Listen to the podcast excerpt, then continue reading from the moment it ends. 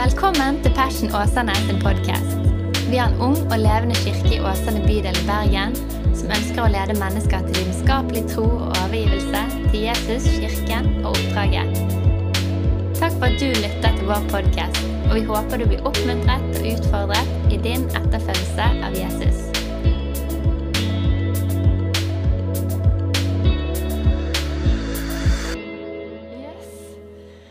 Var noen som var her forrige søndag når jeg skulle bli intervjuet om å dra til eh, Burundi.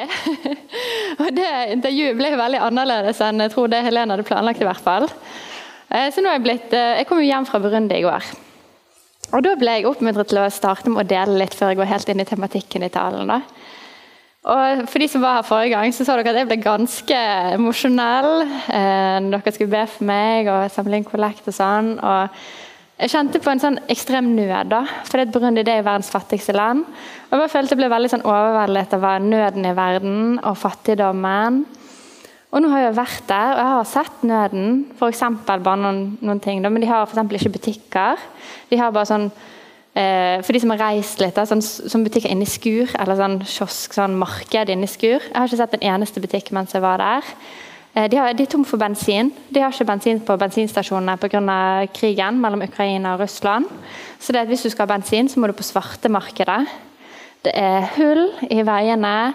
Det er veldig slitte klær. Mange som bare har um, ett sett med klær, og de er gjerne fulle av hull. Det merker vi veldig når vi var på landsbygden.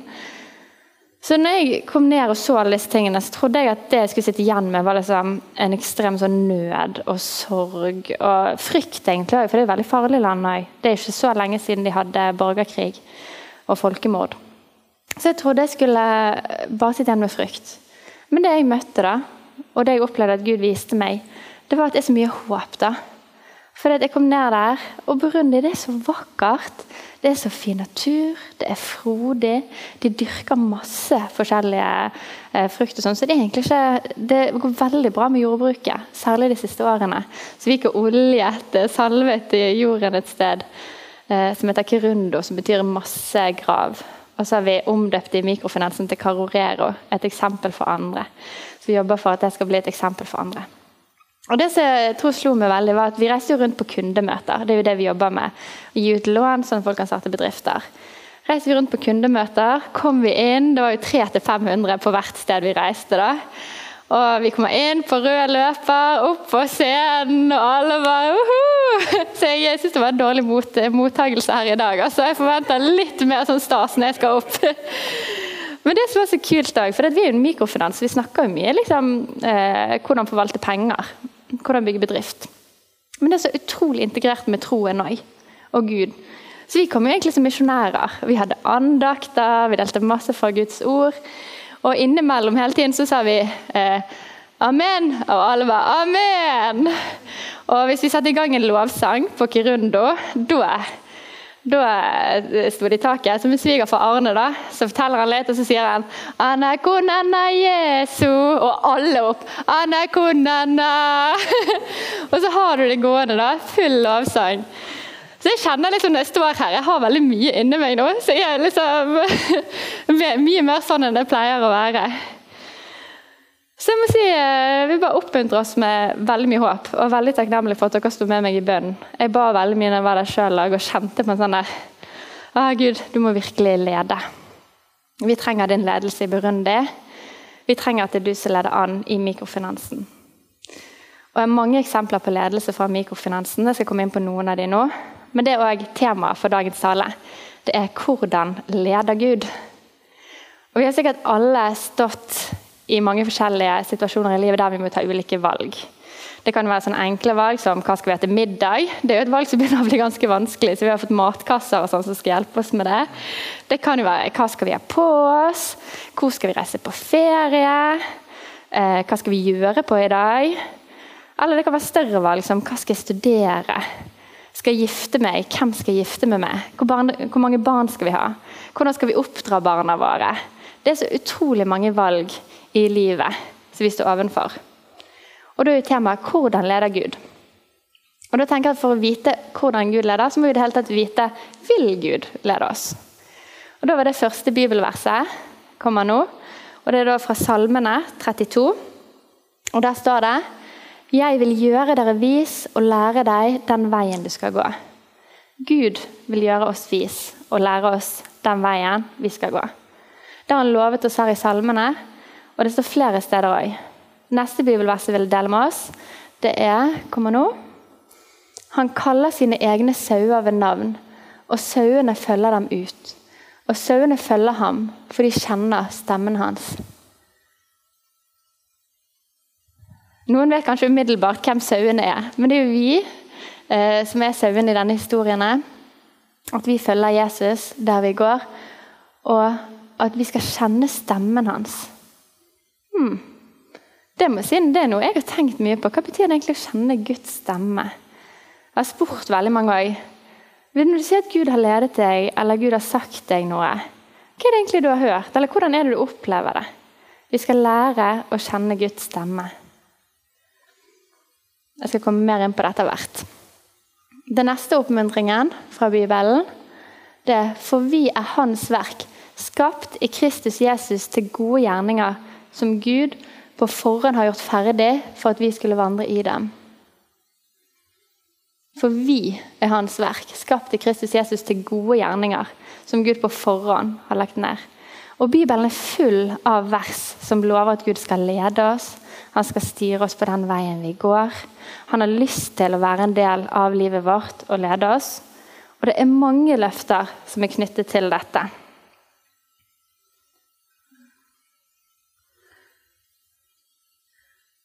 Og I Efesene 2,10 så understreker du litt det der med Guds vilje. Er han egentlig god? Har han egentlig lyst til å leve i Guds plan? Det at uh, Gud har sagt at han skal lede oss, er det noe som gjør oss glad? Er det noe som gjør oss bekymret? Stresset? Av og til så kan det være litt sånn overveldet. Ok, Gud skal lede meg. Uh, greier jeg i det hele tatt å følge Gud? Hvordan vet jeg om jeg følger Gud? Uh, og Noen ganger er jeg sånn Yes! Jeg er full av håp, jeg går i Guds plan. Uansett hva jeg gjør, så vet jeg at Gud vil liksom lede meg på den veien han går. Jeg tror litt sånn Ut ifra hvilken sesong vi er i, så vil det der med Guds ledelse oppleves litt ulikt for oss. Men jeg tror vi skal ha stor frimodighet på at det å følge Gud, det, det er godt. Og At han vil gi oss en god vei, og at han har gode tanker for våre liv. Og at han vil lede oss i det. At han har så mye han ønsker å vise oss. Jeg har ett bibelvers til jeg har lyst til å dele før jeg går inn på et eksempel fra mitt eget liv. Og det her, For jeg vet hvilke tanker jeg har med dere, sier Herren. Fredstanker og ikke ulykkestanker. Jeg vil gi dere fremtid og håp. Og Det minner meg om det som står i eh, salmen om det 'legg din vei i Herren', hånd, stol på ham, så griper han inn. Når vi tenker på Guds ledelse, så tror jeg vi skal være veldig oppmuntret til at Gud har veldig mye han ønsker å vise oss. Når jeg fikk vite at jeg skulle ha denne talen om Guds ledelse, så har jeg spurt Gud hvor har du ledet meg, Gud? Er det noen steder jeg ikke er klar over at du har ledet meg? Eh, hvilke eksempler skal jeg dele? Gud kan lede på veldig mange måter. Før jeg går inn på eksemplene, så vil jeg ta en opplevelse fra mitt eget liv der jeg opplevde veldig Guds ledelse. Og Det var egentlig når jeg var ferdig med bacheloren min. Jeg hadde tatt en bachelor i utviklingsstudier på Universitetet i Bergen. som var sånn uhjelp- og bistandsrettet. Da hadde jeg valgt det fordi det var noe jeg syntes var veldig spennende og veldig interessant og veldig gøy. Da husker jeg faktisk En gang jeg satt i forelesningssalen, så fikk jeg en sånn Dette, Jeg har valgt rett! Dette var knallgøy. Jeg tror det var noe Gud i det òg. Men i hvert fall når jeg sto på slutten av bacheloren, så sa jeg til Gud ok Gud, jeg har lyst Da kommer min liste. Jeg er litt sånn listeperson. Jeg har lyst til å jobbe et sted der jeg kan vokse som person. Der jeg kan vokse i troen, der jeg kan vokse i arbeidsoppgaver. Og et sted der det er virkelig behov for meg. Så ba jeg den bønnen. Jeg hadde ikke peiling hva jeg skulle. Så møtte jeg Jeg var på huskirken til mine svigerforeldre. Jeg har vært der bare én gang, og det var den ene gangen. Så sto jeg og snakket med en mann. Fortalte litt holdt på med. og var interessert i og sånn. Så sa han du må møte datteren min. Dere har en del ting til felles. Og Hun var i huskirken på den tiden. Hun bodde da i Oslo, men var hjemme den helgen. Det er en dame som heter Silje Wiig Andersen. Og Da sa hun til meg du må jo søke jobb i laget. Vi har noen stillinger ute nå. Kan ikke du søke på en av de? Og jeg var laget? Hva er det? Det har jeg aldri hørt om. Jeg tror kanskje ikke det er min plan. Jeg har studert uhjelp og bistand. Det er liksom der, det er der jeg skal nå. Jeg skal på samfunnsforandring. og Jeg skal ikke inn i kristen organisasjon, tror jeg. Men det var veldig spennende. Jeg hadde veldig troen på organisasjonen, men jeg trodde ikke at det var for meg. Så gikk det noen måneder. Så var jeg i Frikirken. Det gikk i Frikirken på den tiden. Så hadde de stand om skepsisuke. Og det virket jo veldig spennende, så de trengte frivillige til skepsisuken. Så jeg går bort til stand, spør de hva er skepsisuke er. Jo, det sånn der vi eh, formidler tro på universitetet og kommer med argumenter for tro. og Det virket spennende. Og så var det en som het eh, Gjermund som sto der. Gjermund Øystese. Så sa han, jeg hadde aldri møtt han før, sa han vi har en stilling ledig i laget. Du må søke den. Så sa han må jeg søke den? Nå har jeg fått det to ganger på rad. Jeg har aldri lagt merke til laget før. Så bare kjente jeg inni meg ok da, Gud. Jeg skal søke. Og lang historie kort, så var jo dette her i 2014. Jeg søkte i laget. Jeg begynte å jobbe der.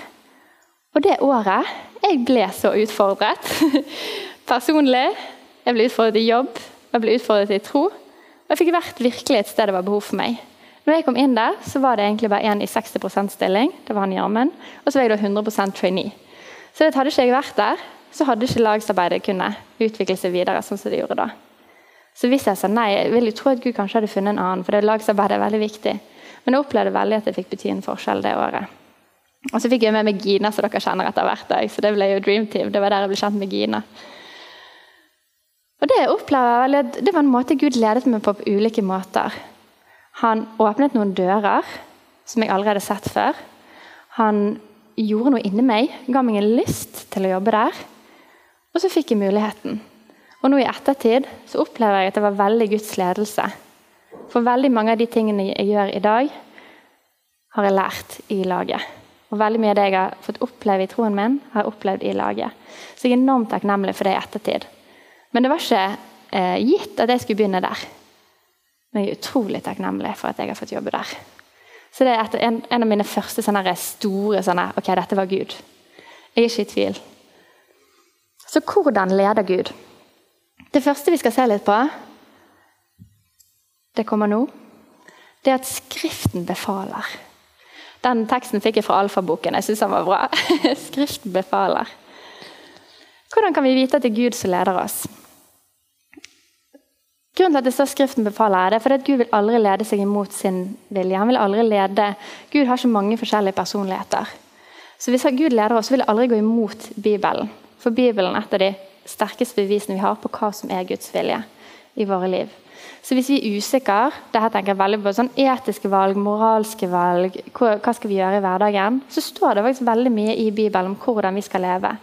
Og vi kan vite at det er Guds vilje. For så står det helt konkret at vi skal gi Jeg kan ta dette eksempelet her. Um, I Romane 13,7 så står det at vi skal betale skatt. Det er veldig sånn konkret. At vi som kristne vi skal faktisk betale skatt. Vi skal gi staten det som staten krever. Og Det er en viktig del av vår tro. Så det å snylte på skatten det handler faktisk om troen vår òg. At det er en av verdiene vi kan ha, for det er Bibelen sier det. Han sier òg at vi skal elske vår neste.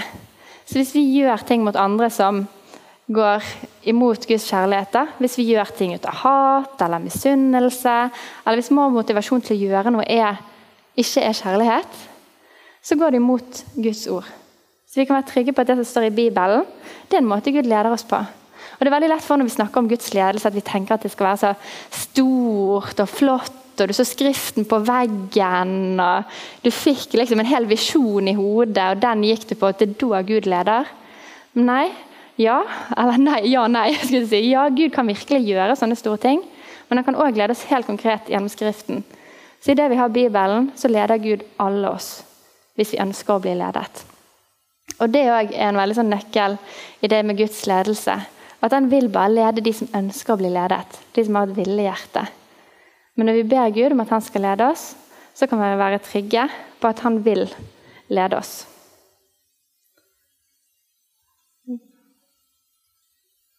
Så Skriften befaler.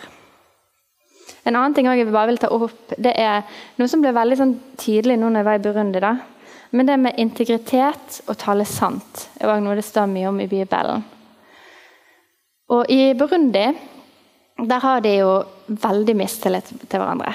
De har ekstremt lav tillit til folkene rundt seg.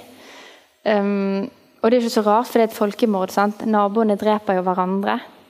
Så det, et, det her er ikke lenge siden heller. Veldig mange av de samme lever side om side med de samme som kanskje har drept en ektefelle eller et barn. eller sånn. Um, så de har veldig lav tillit. Um, og de forteller også veldig ofte halvsannheter. er Det vi vil si. Det er sånn kulturell greie at de ofte deler, eh, deler av sannheten. Det som får de i godt lys. Mens det som kan være vanskelig, det som er krevende, det kommer ikke fram i lyset. Og Sånn tror jeg det er for alle, alle mennesker. egentlig, at Man har jo egentlig lyst til å bare dele det som går bra. Eller der vi liksom strekker til, eller der vi opplever at vi mestrer det. Men det å tale sant om de tingene som er vanskelig, det er òg bibelsk. Og Det er en måte Gud leder oss på, at han vil ha de vanskelige tingene fram i lyset. Det går jo helt inn i kjernen til frelsen òg. Tilgivelsen. At Gud vet at vi er ufullkomne. Vi trenger ikke prøve å late som vi er fullkomne engang. For det er kjernen i troen vår, er at vi er ufullkomne og trenger Jesus. Og Det er òg en måte vi kan leve på. Å være åpne om at vi ikke er perfekte, men at vi strekker oss framover mot Guds vilje for våre liv. Så da kommer vi inn på det neste. Og det er at Ånden, han leder. Og Ånden han kan lede på ulike måter. Jeg vet ikke hva erfaringer dere har med å bli ledet av Ånden. Jeg har noen erfaringer. Og de er litt forskjellige fra hverandre. Jeg snakket med en uh, på flyet hjem nå. Har du opplevd å bli ledet av Gud? Jeg vet han er kristen. Så han at ja. Måten jeg opplever å bli ledet av Gud, er ofte at jeg får en veldig sånn fred for en avgjørelse jeg har tatt. Det, det er så konkret at jeg, jeg, tenker at jeg har lyst til å gjøre dette, så får jeg en indre fred. Den syns jeg var god. Ånden kan òg lede med å gi oss noen tanker og ideer. Jeg opplevde dette for ikke så lenge siden. Jeg begynte å jobbe i Hauge Business Nettverk i fjor så satt jeg og tenkte og ba og sånn. Og Gud gir ofte, eller Ånden leder ofte når vi ber, eller etter at vi har bedt for noe. Så kan Gud lede oss i det. Og da fikk jeg en tanke. Dette er det flere av dere som har hørt før. Men da fikk jeg en tanke. Um, du må starte podkast. Ja, nei, jeg har aldri hatt lyst til å starte podkast. Jeg syns det virker skikkelig fælt. det virker ikke noe gøy. Uh, men jo, du må starte en podkast for å løfte opp hva jeg gjør i næringslivet. Løfte opp historiene om hva jeg gjør. Løfte fram menneskene som lever i troen på meg i næringslivet. Folk vet det ikke. Folk ser det ikke, Silje. Så det er sånn Ja, det kan jo noen gjøre en gang. Det er sikkert en god idé. Bare la det fra meg med en gang. Jeg har liksom vært gjest på noen podcaster. Jeg syns det er gøy å formidle. Men den tekniske biten med redigering og opptak og sånn, det virker helt pyton. Liksom min, min, tanke. Så jeg, jeg, trodde det bare var en sånn rar idé som jeg fikk, og så gikk jeg videre. Og vi har jo alle fått sånne eh, absurde ideer sikkert av og til. og så bare gått videre. Og så var det noen dager etterpå så hadde jeg et møte med eh, en dame i England. Eh, Kina Robertshaw heter hun. Hun jobber i en lignende organisasjon. Så jeg hadde tatt kontakt med henne. For ja, du jobber i et kristent businessnettverk. Hvordan er det å være kvinne der? var liksom det jeg tenkte jeg skulle snakke med henne om. Hvordan fant du din plass? Og så sa hun I've been praying for this meeting. And do you know any stories that should be shared? Vet du om noen historier som burde bli delt? Og Da fikk jeg den der hjertebank. Dun, dun, dun, og så ble jeg minnet om det ordet jeg hadde fått. Og da tenkte jeg ok, Gud, vil du at jeg skal starte podkast? Det hadde jeg aldri trodd. Liksom, Hva mener du med dette? Og så snakket jeg med Daniel her, han har jo mange podcaster. Så jeg bare du Daniel, jeg har fått en veldig rar tanke om at jeg skal starte en podkast om dette. Hva tror du? Er det, er det noe i det, tror du? Han bare, ja, det skal du! Dette går vi på. Dette er kjempelett. Vi tar en time. Disse programmene kan du bruke. Gå på, liksom. Ingen problem. Og Jeg hadde ikke forventet det. Jeg hadde trodd han skulle si noe sånn Ja, men det krever jo veldig mye. Da må du få noen partneravtaler og sånn. Det var der jeg var. Så jeg er der kom døren til å låses, bare med å snakke med en ekspert. Så da har jeg gått i gang. Nå har jeg holdt på med den podkasten i, i ja, over et halvt år. Og jeg får jo veldig mange gode tilbakemeldinger, så jeg opplever jo at han fyller en rolle. Så jeg tenker jeg at det er fra Gud. Men det betyr ikke at podkasten er perfekt, og at lydkvaliteten er knallgod, og at alt bare liksom legger seg til rette. Men jeg har opplevd at det var noe Gud ga meg som jeg skulle gå på da. Og som har vært veldig oppmuntrende for mange. Veldig så rart eksempel. Men det har blitt en veldig sånn eh, trosstyrkelse for meg at Gud leder. Først med å gi meg en tanke, så fikk jeg en bekreftelse, og så fikk jeg råd. Og det er litt gøy hvordan man kan på en måte lede hverandre og bruke hverandre. En annen måte som ånden kan lede på, det gir oss et veldig sånn sterkt ønske om å gjøre noe.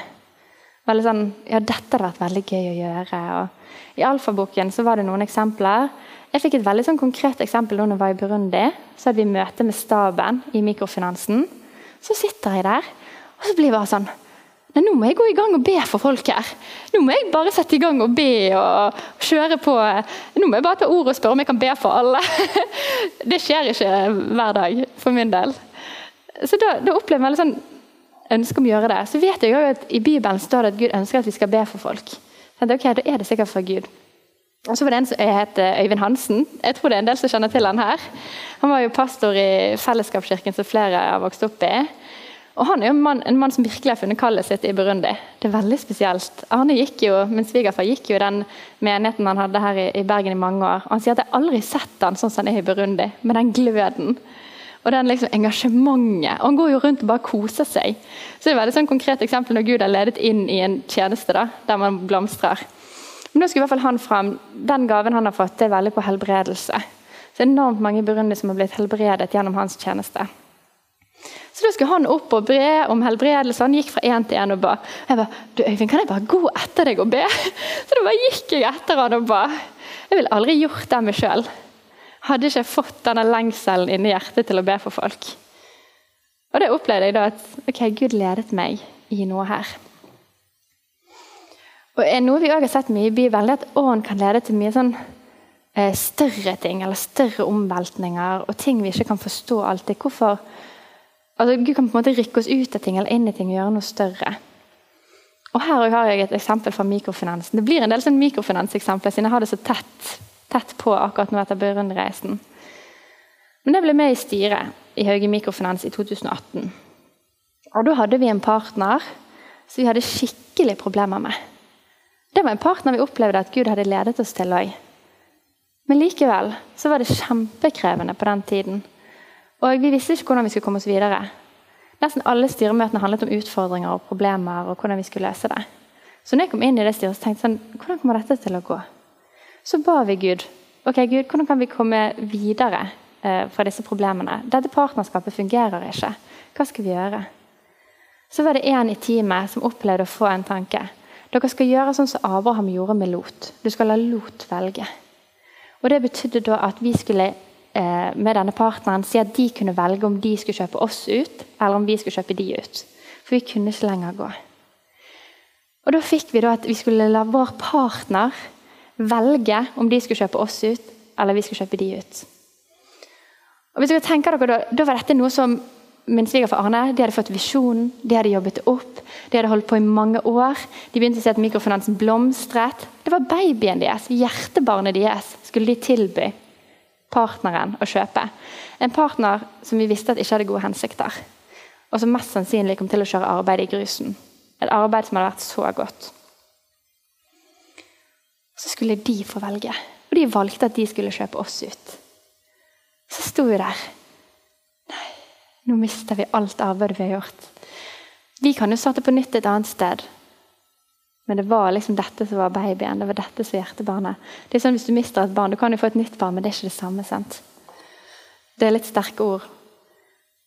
Men så opplevde vi at når vi kom til situasjonen at de skulle kjøpe ut, så fikk ikke de penger. Så skjedde det mange omstendigheter som gjorde at de ikke fikk muligheten til å kjøpe oss ut. Så da fikk vi kjøpe de ut. Og siden vi fikk kjøpt de ut, så har det gått skikkelig skikkelig bra. Mikrofinansen. Og det var vi opplevde at det, det kunne ikke skjedd på noen annen måte. Hvis vi hadde sagt at vi skulle kjøpe de ut, det hadde nok ikke gått. Vi var veldig jevnbyrdige partnere. Nå går jeg veldig inn sånn teknisk i partnerskap og kjøp og salg her. Men det viser hvordan Gud kan lede på noe så konkret inn i arbeidslivet. da. Og etter det så har vi hatt 100% vekst to år på rad. Det er òg veldig sjelden. Så det viser hvordan vi tror at vi Hadde ikke vi gått på det ordet, hadde ikke vi stolt på Gud der, selv om det virket på en måte absurd imot vår vilje og imot det vi trodde var Guds vilje, Vi trodde ikke at Gud bare ville liksom at dette skulle falle i grus. Men vi opplevde at vi fikk dette ordet fra Gud, så da gikk vi på det. Så av og til så kan Gud gi litt sånn større tanker og visjoner og bilder som vi skal gå på. Det er, ikke, det er ikke alltid, men jeg har sett det en god del i nettverket som vi jobber i nå. At Gud kan gi litt sånn større tanker og ideer. Ja, Det syns jeg er utrolig spesielt. Og hvordan han, ofte bruker bibelteksten inn i våre liv. Det var jo, I sted snakket jeg om Bibelen. Men jo mer vi kan Bibelen, jo mer kan Gud minne oss om bibelvers i vår hverdag og i vår ledelse. Så det syns jeg er veldig spennende. Det neste det er sunn fornuft. Er det noen som pleier å bruke sunn fornuft til å ta valg her i livet? yes, så er det flere hender. Det er veldig bra. Det er jo ikke sånn at vi liksom må spørre Gud om hver minste ting, for han har jo skapt oss med sunn fornuft. Det er ikke sånn Å, Gud, bør jeg stå opp i dag eller ikke? Bør jeg kle på meg eller ikke? Bør jeg spise frokost eller ikke? Altså, han har liksom skapt oss med sunn fornuft. Så vi har jo fått en mulighet til å velge fornuftig. Ut ifra våre interesser, ut ifra det vi vet er bra, ut ifra det, altså det, som fungerer. Så det, å bruke den sunne fornuften, det er bra. Så det er noen ganger Gud vil liksom ut av den sunne fornuften, men det, men det ga jeg et eksempel på i sted. Sunn fornuft er jo veldig lurt å bruke for i forhold til når man skal velge utdanning. Det kan jo gå litt på hva interesse har jeg, hva er jeg god på. Det er veldig lurt å velge noe ut ifra det. Um, hvor er det mulig for jobb, kan være lurt. Jeg valgte jo ikke den studieretningen der det var liksom sikret jobb, men jeg valgte ut fra interesse og egenskaper. men det er liksom noen balanser der man kan bruke. Tror jeg I forhold til det med valg av ektefelle kan det være veldig lurt å bruke sunn fornuft. Passer vi sammen? Har vi det kjekt sammen? Har vi noen av de samme drømmene og visjonene? Vil vi litt det samme i livet? Man trenger ikke å være helt like og liksom, vi er spot on, men har vi liksom noe av de Kommer vi til å få et godt liv sammen? Har vi det bra sammen? Trives vi med hverandres familier? Det er sånne enkle ting som kan være lurt å se litt på. Hvis ikke vi gjør det, hvordan kan vi løse det? Har vi noen sår fra barndom vi bør jobbe med? Eh, sånn at vi ikke tar det med oss videre i vårt ekteskap. Det er veldig mye sånn gode spørsmål man kan stille seg i sånne type valg. Og absolutt be Gud om å lede i der, så vil han kunne lede. Og gjennom sunn fornuft. Det neste jeg ville ta opp, det er råd fra de hellige. Er det mange som kjenner mange hellige? Ja? Jeg har jo et skokk med hellige som hjelper meg. Og det er litt sånn, ok, Hva betyr det å være hellig? Og I Filipperne 1.1 så står det at vi alle, alle som er kristne, vi er hellige. Så når det står i Bibelen at vi skal søke råd fra de hellige, så er det egentlig råd fra andre kristne. Så det å spørre hverandre om råd når vi skal ta en avgjørelse, det er veldig lurt. Jeg tenker her I menigheten så kan vi gjerne spørre om hverandre om råd. hvis det er noen valg vi skal ta. Så kan Gud ofte snakke gjennom andre. Kan snakke gjennom venner, jeg har jo en mentor som jeg snakker, snakker med nå, som heter Bjørg Øgård. Og hun eh, når vi ble koblet sammen Jeg har faktisk lett etter mentor i mange år. Men det har vært veldig vanskelig å finne en mentor. Men når jeg ble koblet med hun, det har bare vært så bra. Da bare deler jeg hva som skjer i familielivet, hva som skjer i jobb. Og så kommer hun med så mange fornuftige, gode tanker inn i mitt liv. Så det å få råd fra andre som er litt eldre, det tror jeg òg er veldig bra. Om jeg har hatt noen sånn eh, Hva skal jeg gjøre i denne situasjonen? Det kan være veldig sånn konkrete jobbsituasjoner. Hvordan bør jeg løse dette? Hvordan bør jeg håndtere det? Så coacher hun meg litt. Og det er òg eh, i jobben òg. Spør jeg alltid Arne om råd. Ja, han, det, han, er jo sjefen òg, svigerfaren min, som dere eh, en del kjenner til. Da, da får jeg masse gode råd fra han. For han har mye mer erfaring, og han har kjent Gud lenge òg. Så jeg får mye råd derifra. Så det å søke råd hos hverandre det er av det gode. Virkelig, altså. Og da er det veldig lurt òg. Man kan jo søke råd hos alle. Jeg søker jo råd eh, hos mange forskjellige, men det kan være lurt å søke råd hos kristne. Hvert fall for, eller folk du vet har litt den samme verdien, som ønsker litt de samme tingene som oss i livet. For Man kan få råd fra kjempemange forskjellige. Det kan være ganske vanskelig å navigere i alle rådene man får. Så det å vite liksom hvem man søker råd for, kan også være lurt. Noen som lever det livet som du ønsker å leve. Det neste det er tegn i omstendighetene. Og Da vil jeg dele noe fra ordspråkene 16.9.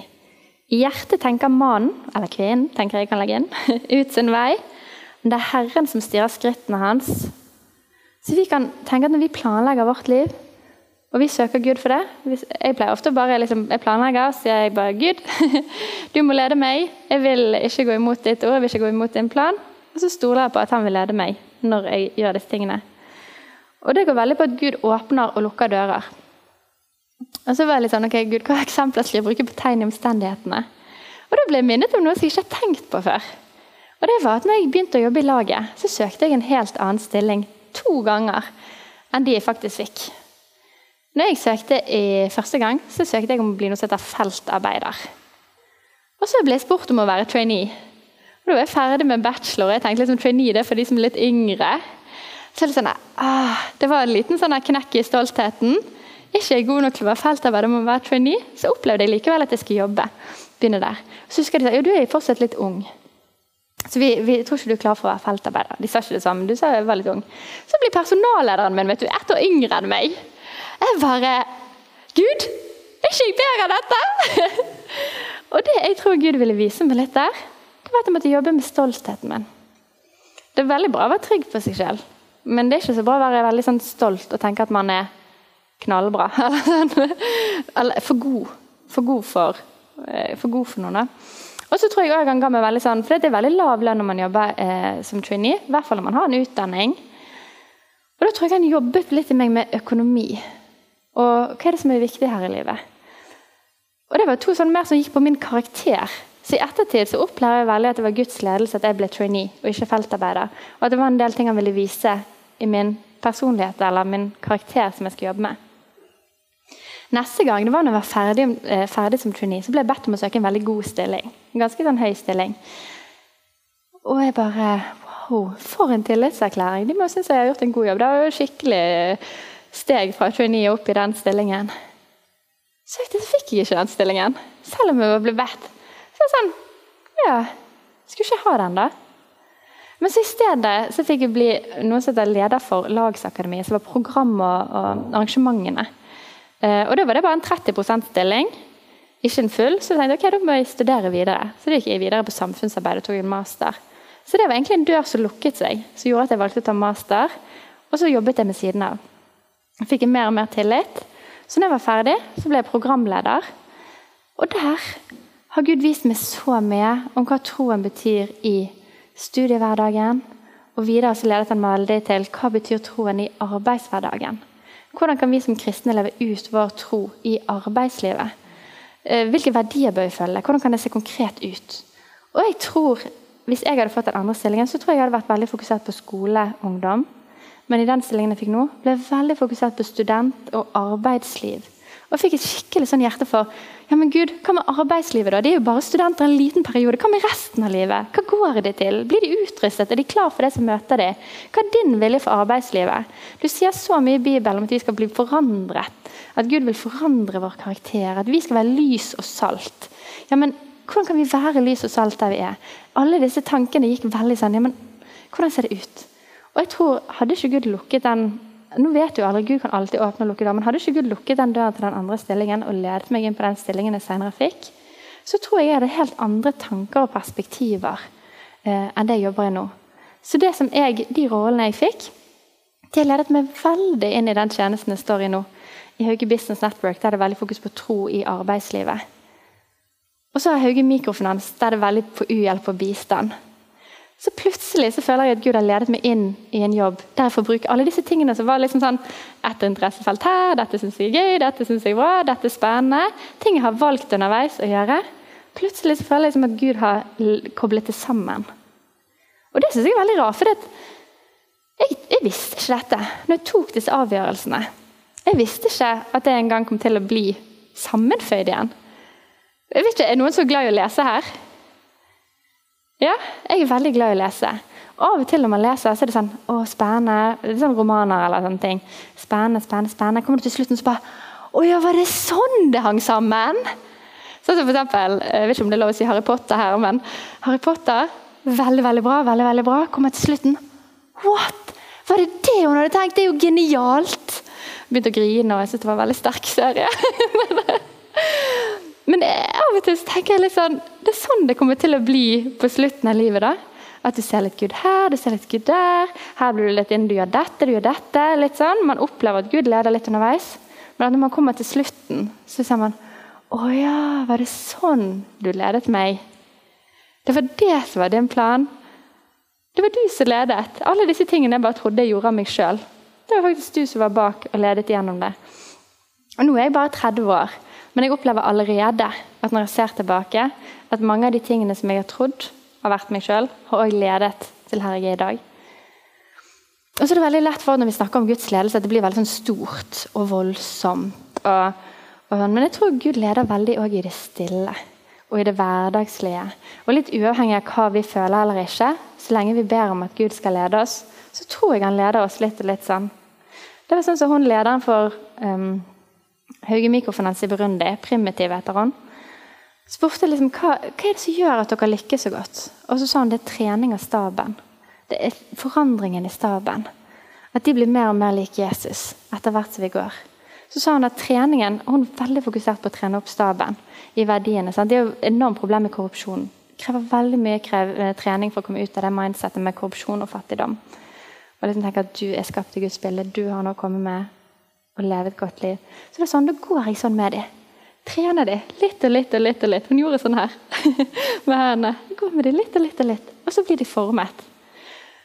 Og jeg tror det er litt sånn Gud gjør med oss òg. At han går med oss. Litt og litt og litt. Former han oss litt der, former han oss litt der. Og så er det ikke alltid vi ser det. Men jeg tror vi kan ha stor trygghet på at Gud leder oss når vi ber Han om å gjøre det. Og da er det liksom det siste jeg ville si som en oppsummering igjen i det. da. Det var at Gud leder på så mange måter.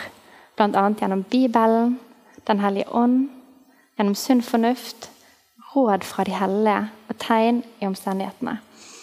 Og at Hvis vi ber Gud om ledelse, så vil Han lede oss på en eller annen måte.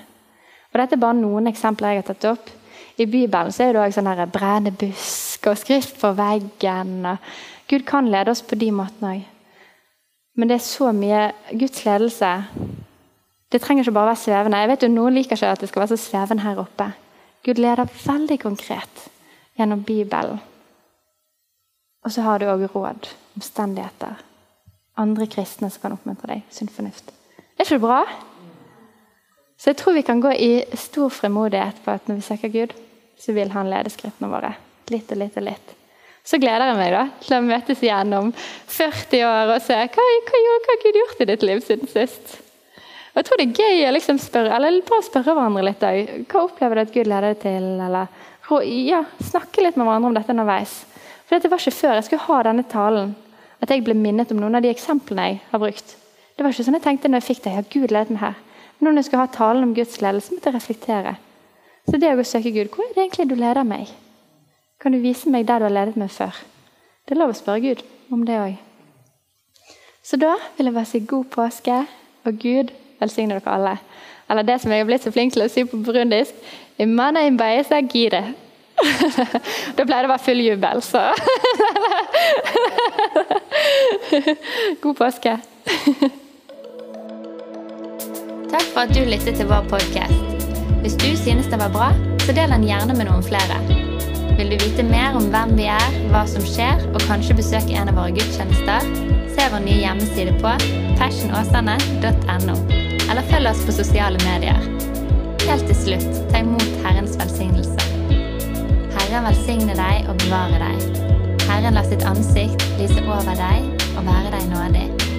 Herren løfter sitt åsyn på deg og gir deg fred.